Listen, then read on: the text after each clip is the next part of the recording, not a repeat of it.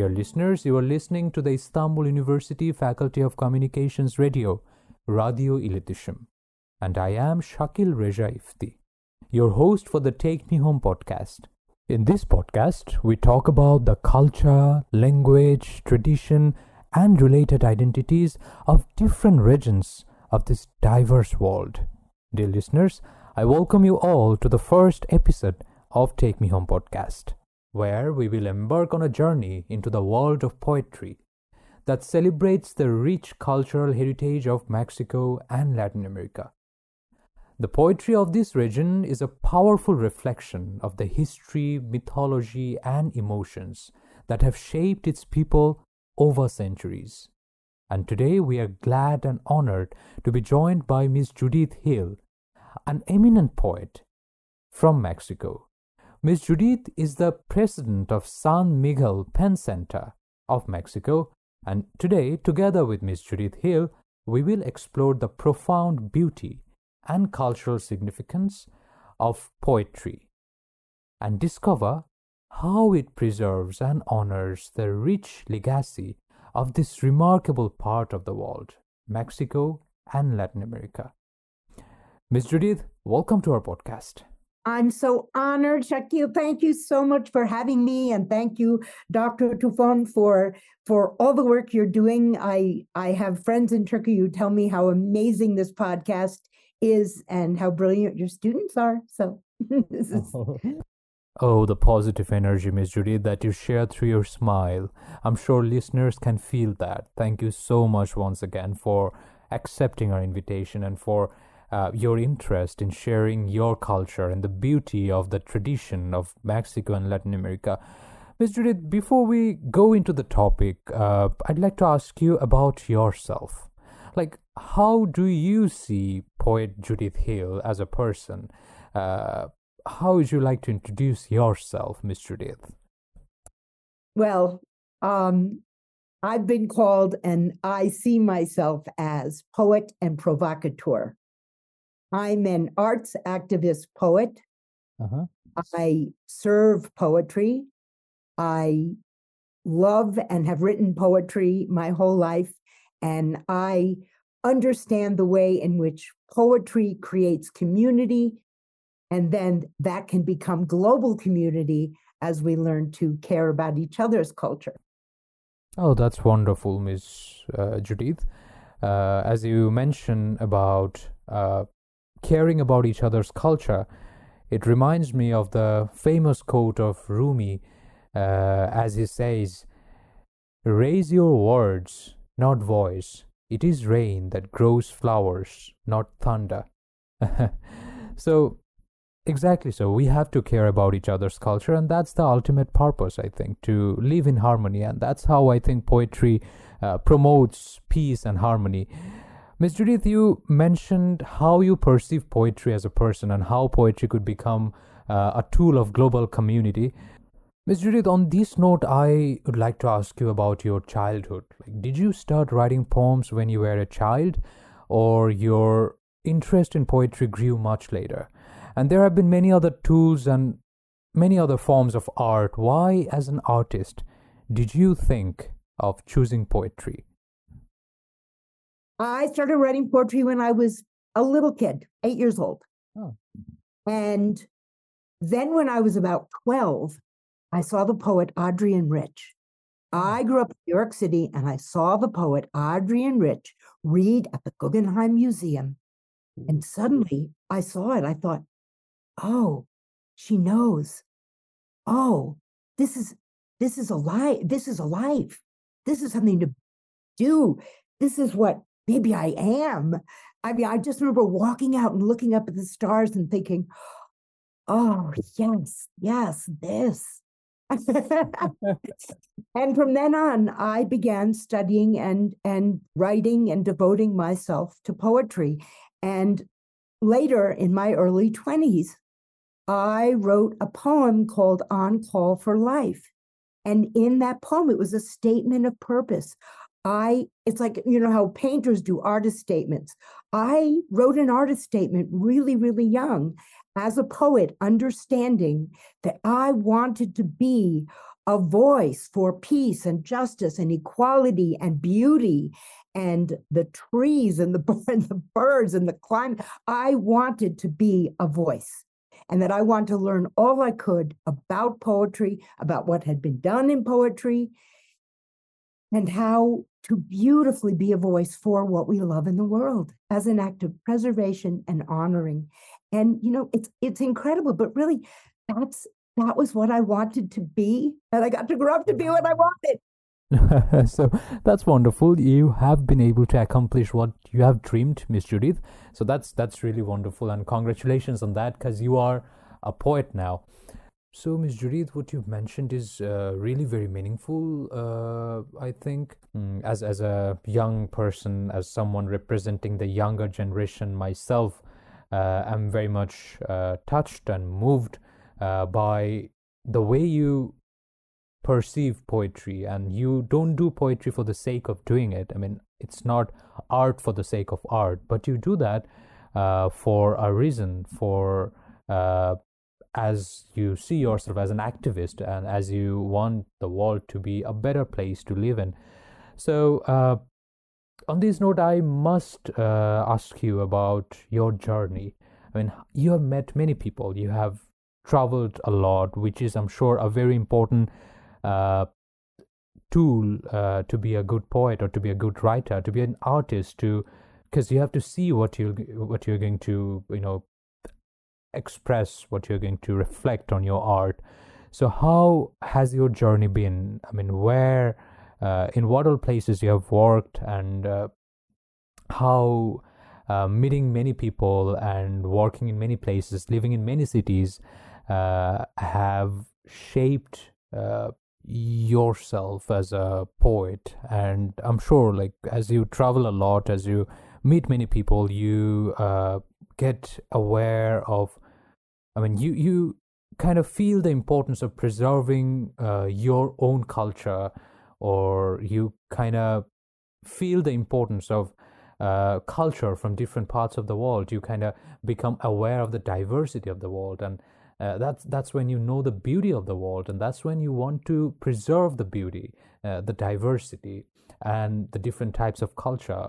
So yeah i i, I just want to know from you about uh, your experience in this regard. Well, so let me give you an example. When yeah. I was 14 years old, I began working for Cesar Chavez and the Grape mm-hmm. Boycott in New York City. I was 14 years old, oh. organizing picket lines, going down Catholic worker. I met the incredible famous organizer, Dorothy Day, uh-huh. and I organized picket lines. I met Cesar Chavez when I was 14. And I lived in New York City. So you know, New York City, everyone's there. I didn't live in white America. I lived on the Upper West Side. It was mm, Puerto Rican, Black people, Haitian people, Agua de Florida, voodoo shops. I mean, I, I heard a million languages. And oh. I knew that's what I knew I wanted to live in that world. And that desire. I mean, working for Cesar Chavez began this long time love affair with both Latin American culture and working for justice yeah. as and then as a poet, as a writer. So then from from New York City, after college, where I studied poetry academically, wow. I where in America, where in the United States can I live? It's uh, mm-hmm. you know I can't go live where all the white people are. I I, I don't even understand that, and mm-hmm. I don't even like their food. so I moved to Santa Fe, New Mexico, which yeah. is total Hispanic culture, green chili, enchiladas, tacos. I mean, all all the food just really fit me. Wow. I should also add that I had grown up Jewish, so food is very important to me. Food as food as community, uh-huh. and so in Santa Fe, where white people are a minority, I was really comfortable. And oh. then I had a dream, and that dream was live in Mexico. And that's what I did next was move to San Miguel de Allende. Oh, Miss Judyth, that's such a long and beautiful journey. Thank you so much for sharing uh, your journey with us and uh, the changes of cities, meeting many people full of adventure, um, you know the foods uh, culture i mean it seems like you have enjoyed the journey sometimes uh, when we think about long journey, we are like, ah, that that must be a boring journey. But long journeys could be beautiful as well. Yours is an example. Miss Judyth, I think now it's time for a poem. Uh, I think listeners would also like to listen to a poem from you. Um, so we are requesting poet Judyth to read us a poem. I think I will read Wage Peace because it kind of exemplifies a lot of what we've been talking about, which is that, you know, when the towers fell in in the United States in 2011, um, it, all of a sudden, I was living up in the mountains. I didn't see it happen. So all my friends, people were calling me and telling me. And the next thing I heard was that the president of, of the United States was, you know, talking about, you know, our retaliation. And mm. I just thought, what? No. And I just remember being on the phone and I said to my friend, no, we mustn't. That isn't, that cannot happen. We have to wage peace. And the minute I said that, I was like, I got to get off the phone. I got a poem coming like a freight train. It was just, I heard it. I heard it. I heard it. I heard it. and um, I, I mean, this is really just kind of a wild story, that I'd been doing, I'd been doing also a, a spiritual breathing practice wow. for global healing, which is the Buddhist practice of Tonglen. Tonglen is an Eastern practice where you breathe in the suffering of others and you breathe out healing and peace instead of breathe in the good, breathe out the bad, like you're the only person that matters, right? Yeah, yeah, yeah, yeah. So I was I was doing that actively and thinking about what was going on all over the world. And so I heard this poem, and this is the poem that I heard. Wage peace. Wage peace with your breath. Breathe in firemen and rubble, and breathe out whole buildings and flocks of red winged blackbirds. Breathe in terrorists and breathe out sleeping children and freshly mown fields. Breathe in confusion and breathe out maple trees. Breathe in the fallen and breathe out lifelong friendships intact. Wage peace with your listening, hearing sirens, pray loud. Remember your tools, flower seeds, clothespins, clean rivers. Make soup, play music, memorize the words for thank you in three languages. Learn to knit and make a hat. Think of chaos as dancing raspberries. Imagine grief as the outbreath of beauty or the gesture of fish. Swim for the other side. Wage peace. Never has the world seemed so fresh and precious. Have a cup of tea and rejoice. Act as if armistice has already arrived. Celebrate today.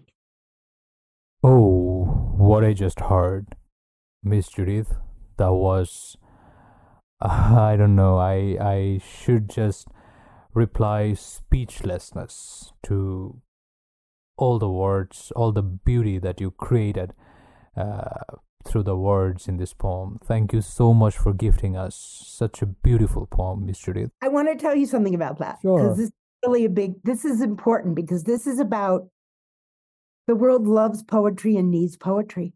When I wrote that poem, you know, I just sent it out with my Rosh Hashanah greeting to people. Yeah. And the next thing I know, people were calling me and telling me, you know, I just walked into someone's house, it was on their refrigerator. Uh-huh. And this poem now has gone all around the world. It's translated into seven languages. It's been reprinted hundreds and hundreds of times and it's been set to music. It's been wow. performed by a set to music and performed by a symphony orchestra, a chorus of women, a chorus in New York. I mean, uh, and then just recently a chorus in in in Berkeley, California. I mean, I'm always getting requests for this poem. Not a year goes by, and this is what you know. This is more than twelve years later. Uh, not a year goes by that I don't get requests to reprint this poem, share this poem.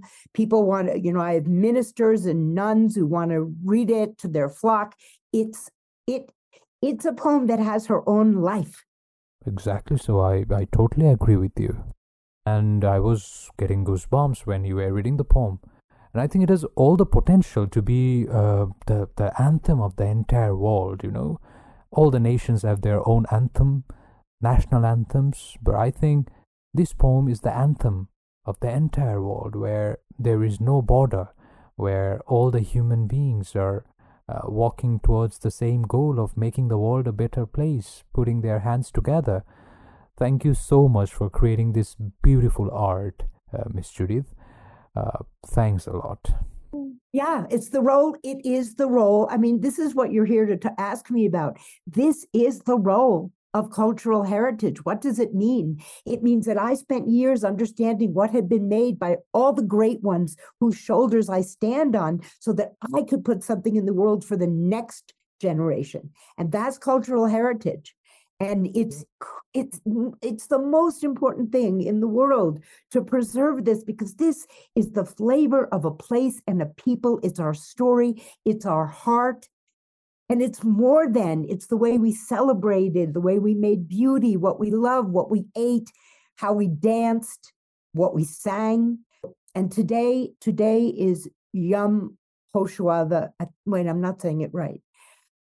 It's, you know, I'll look it up so I can say it exactly correctly. But sure. today is the day of remembrance of the Holocaust, right? And for me, when I think about the Holocaust, what I think about is all the Jewish people, all the or the Romana, Romani people, all the all the Catholics, all the activists who are alive today. Why? Because in the camps, they prayed, they sang, they told stories, and they kept their hearts alive with their culture. And you look at this and you say, well, look at the Jewish people. You know, Hitler could kill six million, but he couldn't kill them. And it's going to be the same in Turkey. It's going to be the same everywhere, all over the world of tyrants. You can kill as many of us as you want, but if we keep our cards for, it's what Lorca did in Spain, right? With Franco. If you keep the culture and the heart of a people alive, you cannot kill those people. Oh, Miss Judyth, I mean, I mean that's uh, that that's really touched me, and um, I'm kind of emotional now with my goosebumps and with the peak of all sort of expression of emotions of deep emotions. Thank you so much. I mean you are a true artist miss judyth in my point of view. You create art even when you speak. Do you know that? Thank you so much. Um, i was i was uh, about to ask you about the importance of preserving the cultural heritage and i think you have answered way more uh, than than than the question uh, deserves its answer. So thank you so much for answering it that way before even I asked about it. So Miss Judyth, um, so uh, now let me ask you about uh, what do you think? What all things should be done for making the younger generation or the children uh, aware about the cultural heritage and what all things uh, were done when you were a child and what do you think should have been done more and what do you think should be done more for the generations to come? When i was growing up as a little girl in new mm-hmm. york city in public school yeah. the arts were taught not as some big special thing. Every single child played this little bizarre instrument called a tonette which is like not even a real thing. It's some little fluty yeah. thing little pla- black plastic thing. but we all learned, you know, the fingering and the notes and the scale. And mm-hmm. every single child, you know, put on a little shirt and painted. And every single child wrote poetry. Every single child danced. Every single child sang songs.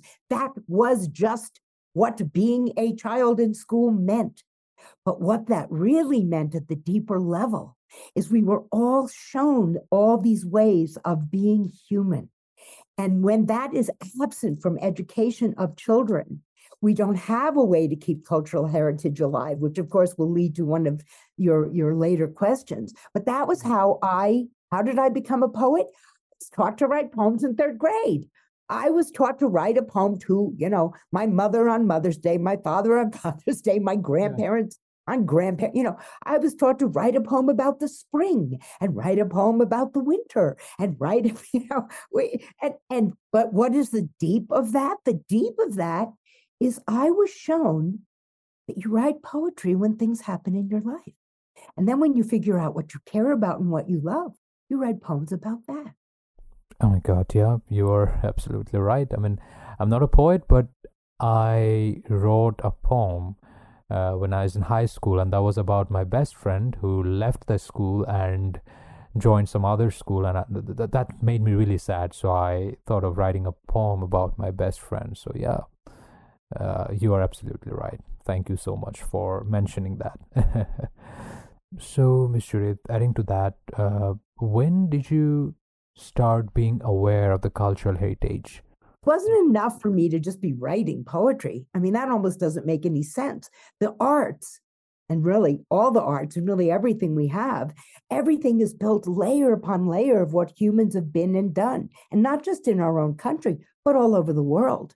And I remember the first time in college where I was taking a, a college course, okay, in college, studying mm-hmm. poetry.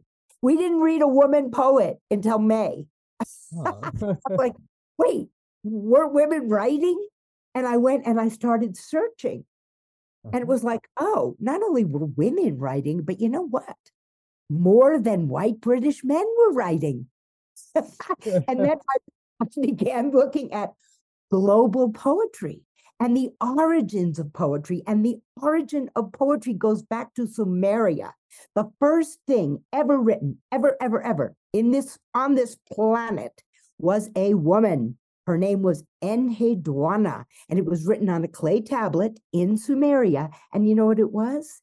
It was a poem of celebration. It was a hymn to the moon goddess Inanna, so the very, very, very earliest, earliest, earliest understanding of poetry is to sing out into this world, into the other world, and to be in conversation with the other world. And that's and that's what's been going on since time immemorial which led me to a lot of exploration about global poetry, original poetry, indigenous poetry, poetry of place, and the understanding of the shamanic nature of poetry. Poetry has always been a way of calling the people together, calling back and forth between the animal world, the tree, between the trees, the grass, the ponds, the rivers, the oceans, the yeah. sky, the moon, right? That's what we're doing.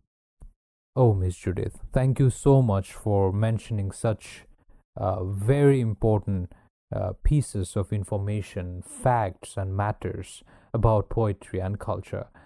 Uh, on this note, will you please enlighten us a little more about the history of poetry in Mexico and Latin America? I certainly would. One of the great origins of poetry and culture in Mexico, and this brings us, you know, of course, this brings us to sort of a political economic situation having to do, um, of course, with women. And what's interesting is the great poet Sor Juana Inez de la Cruz, who is one of the greatest, you know, considered. Eh, she's like the Emily Dickinson of Mexico, oh. right? This is huge, huge, enormous. She's on our 200 peso bill with some words from one of her poems.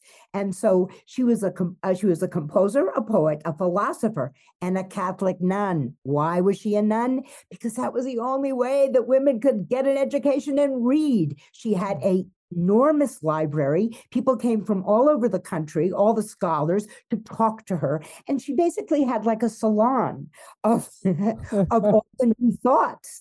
And she was an advocate for women's rights and for education. She's a feminist icon, but somehow beloved in the country. And her poems are extant today. She's an incredibly important poet um, and it just goes on and on you know and and this is true all over latin america and of course myself as a fan of pablo neruda uh, I want to ask you about him. So, what would you like to tell us about Pablo Neruda? What he gave to poetry has changed poetry for all of us, for all of us. But his great, great, his 10th book, which was called Canto General, he went and he just basically wrote poems that were a total history of the New World, from the ancient Hispanic times to the present. He had visited Machu Picchu and he saw these ancient civilizations and he asked himself, what can we bring back from there? What do we need in the world now? How do we keep this alive? And he wrote the great poem Machu Picchu, which is, I mean, it's an icon of cultural heritage. So, you know, this goes on and on. We have the great poet um, Octavio Paz in Mexico. He wrote the poem Sunstone, which is sort of another you know, he talks about the Spanish Civil War, Mexican culture, talks about everything. And it's the design of the poem is an Aztec calendar, a sunstone. So even the form of the poem is a, a piece of cultural heritage. And while and as we remember all these incredible writers, and not just poets, I mean, we have Gabriel, you know, we have Marquez, and we just you know the, the list goes on and on. Now you know we isabel allende sandra cisneros. I mean we have all these writers today keeping this culture. I have an enormous list. Wow, and so what do we need? What do we need? Well we we in our countries we need to be sharing with each other lists of the great writers and poets of our countries and then having these really fun little book clubs. Indeed indeed. Book clubs are always fun um, Ms. Judyth, what would you like to tell about the new technology? I mean, how do you see the new technology and the possibilities it offer uh, to preserve culture? You're going to laugh. You're going to laugh at what I'm going to say, but I'm going to tell you something.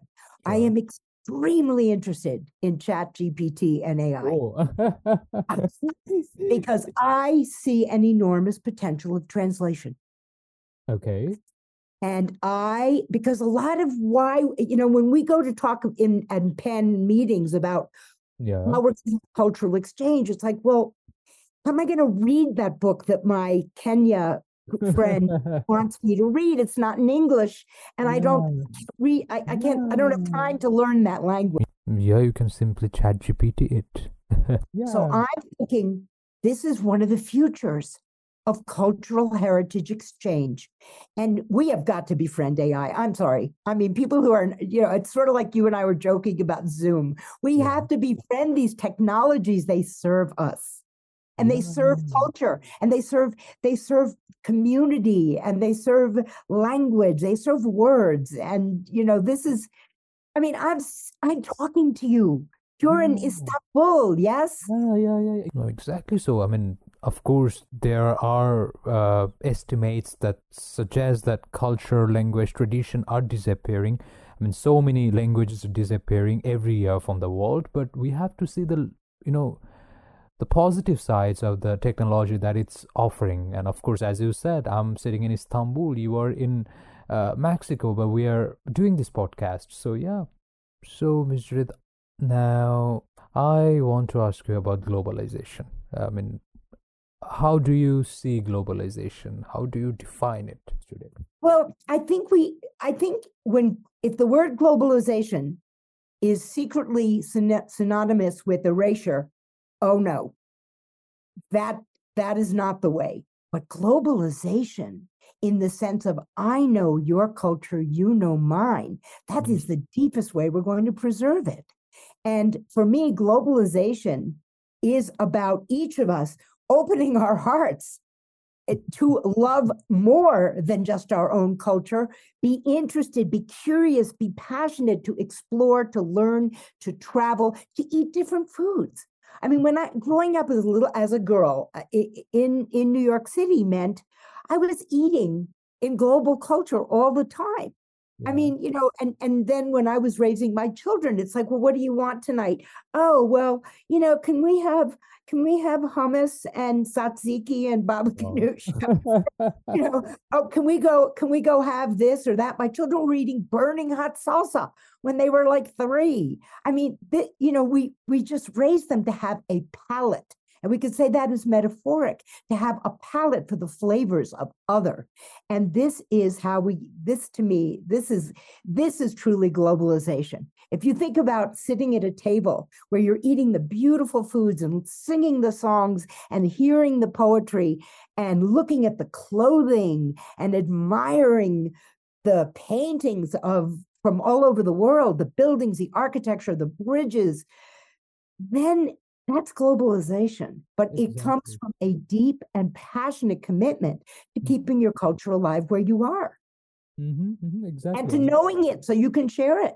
Oh yes, uh, knowing the culture is is a little challenging. I doubt if it's going to be possible. If it's the if if the reality is the same in all part of the world, that the younger generation uh, are being interested in knowing their very own culture. I I hope the situation gets better though. So, Ms. Judyth, um, yeah, as you know, uh, we were supposed to talk about, and we were supposed to see Mexico and Latin America through the lens of poetry, but talking to you is such a great, um, you know, experience that I want to know everything about Mexico and Latin America.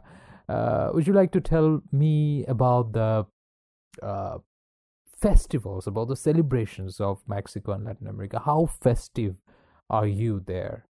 But one of the things that keeps culture alive in Mexico in a very unique and important way is holidays and celebration.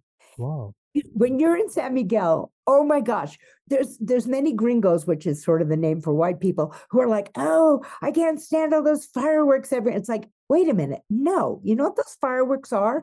They're celebrating this unique thing, and on that day, there's going to be all these dancers on the plaza, and everybody telling the story, and the children growing up knowing on this day we tell this story, we eat this food, we wear these clothes, we do this dance.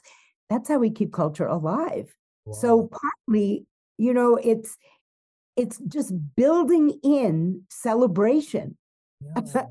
as part of our lives. Where you stop you pause and you say okay we're going to stop everything in our daily life because today we are celebrating this. Wow. and this is yeah. this is part of the great secret yeah, deeper vibe of culture. Oh that's that's really wonderful and i'm i'm so happy that your part of world is so festive and that's how you're um, preserving the culture and that's and festivals are also a part a tool of preserving the culture. Ms judyth let's talk about the challenges now. What do you think is the biggest challenge to in terms of preserving culture in all around the world? Uh, what should be number one challenge that you want to address? In cultures where we do not honor elder we don't mm-hmm. understand and do not honor elder that's a really that's a challenge to keeping culture. You ask me for a challenge that's a challenge. Okay. because a lot of time the elders are the ones holding the this is what we you know this is what we eat so this is what we cook. These are the songs we sing. These are the poems we read the prayers we say the day, these. And we rely on our elders for that. Okay. And if we ignore them and put them in homes like we do in the united states where they alone and lonely and just with other elders, yeah. there's a piece of culture that can be lost. I so see. Honoring, both honoring elders and honoring childhood are mm-hmm. critical to preserving. Oh, well, Ms. Judyth, I think that's a very uh, different point of view and that's a very different angle that you have put the light on and you have enlightened us about. But I have this question to ask you. And how do we know that the elders that we are going to follow, that, that, that the elders that we are following are the torchbearer of the, you know, culture that we should really follow? I mean, as we can see, pollution all around. The world is polluted, Miss Judyth. There is war, discrimination. Uh, how how do we know that the elders that we are going to follow, or the elders that we are going to value, we are going to respect, are not responsible for that pollution? I mean, what would you like to tell about that? A thing. You're absolutely right. Thank you. Good point. Mm-hmm. It isn't just elders as a thing, but it's elders who have that capacity.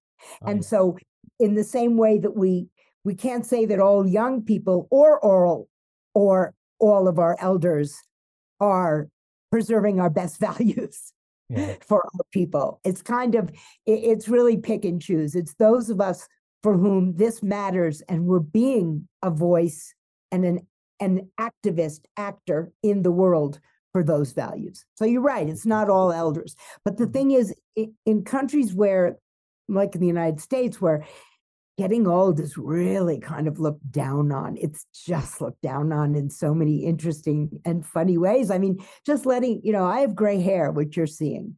And I stopped dyeing my hair years and years ago. I just was like, why? I don't need to be any younger than I am. I'm mm, that willing beautiful. to show up in the world as we are yeah. is is something that for women and also for the culture is something we need to sort of grow towards. So in that way where I'm sort of, hey, you know, I have things to say. Just because I have gray hair doesn't mean, you know, put me in some place where I'm eating soft foods. yeah, so I think I want to go to Istanbul to the spice market, man. Come on.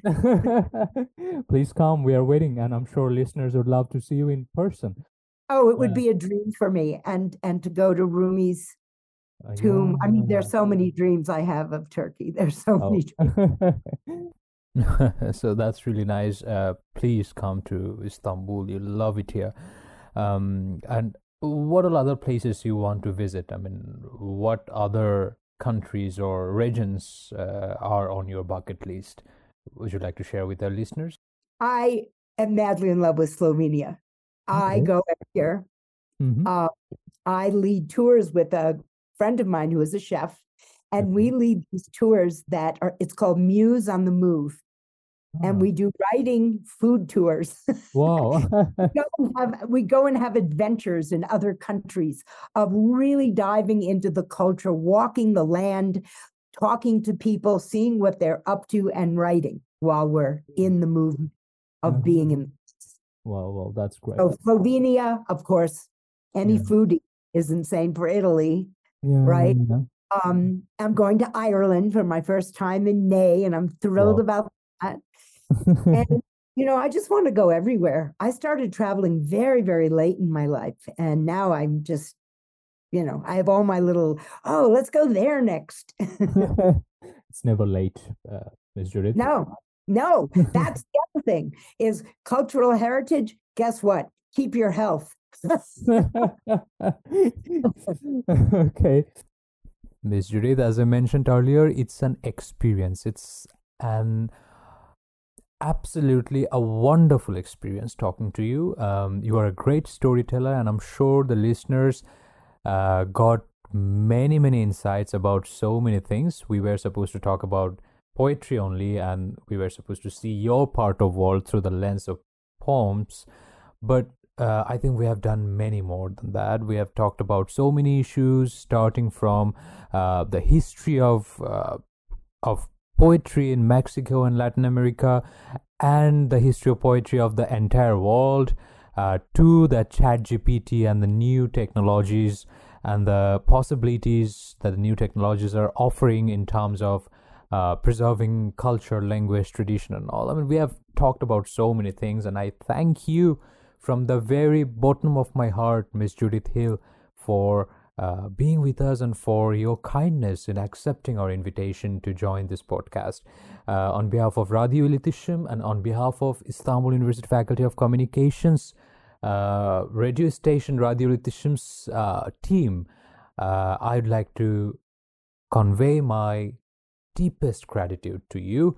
And now, as we are to an end of our today's podcast, I'd like to ask you about your opinion about the future of the world. What do you think? What's going to happen to the world in the future, and what's uh, uh, what, what sort of a dream world that you have in your imagination? And also, is there any message that you want to pass to our listeners? Um, over to you, Ms. Judyth.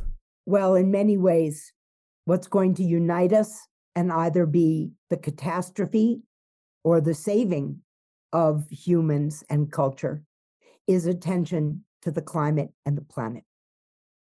Because we can think all the thoughts we want, we can write all the poems, we can do all the everything else's.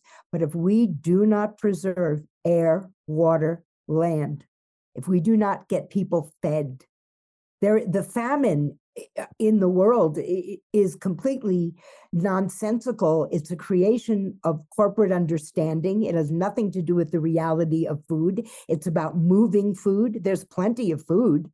It's just who's keeping food and who's not sharing food. And the same thing with our resources of, of water and good air, um, energy, right? Oil uh, is it's ridiculous. It's got to stop our dependency on those kind of fuels. And so for me, the hope is I I just think as an artist, this is sort of the next place that all of us as a voice need to stand. And that the future of the world is and you know we have some of this new incredible technology we started talking about ai we need to look at every single resource that is making beauty being in gratitude for what we have and out of that gratitude preserving and caring. We have to take care of this planet of the children of the people of the trees of the grass. We have to we have to. We just have to. It's just that's it. No later. There's no later. For all of us to stand in honoring and loving our place, our cultural lineages, the great ones who have come before us in every single genre and art form, and to learn as much as we can about everything where we are, and then share it with others. Yeah. And then leave something for the next generation to come. Think about the world that way. What are we leaving? What are we honoring that we've gotten? What are we leaving? Because culture creates community. And out of that community, we can become a global community. And that global community is going to be the hope. Such a wonderful conversation it was with Miss Judyth Hill. Uh, dear listeners, I'm sure you all liked this episode and you all got so many insights about Mexico, Latin America, and beyond uh, on so many issues. Uh, on behalf of Radio Iletişim, we thank Miss Judyth Hill wholeheartedly. Also, we thank all of you, dear listeners, who are always listening to us. As you know, this is the Take Me Home podcast where we discuss about culture, language, tradition of different parts and different regions of this diverse world. And today we talked about Mexico and Latin America with an eminent poet and the president of San Miguel Pen Center of Mexico, Miss Judyth Hill. Uh, in the next episode, we'll come again with another eminent personality as our guest and we'll discuss about a new culture. Till then, dear listeners, take care, stay safe, stay healthy, and stay in hope for a better world altogether. Signing off, Shakil Reja Efti.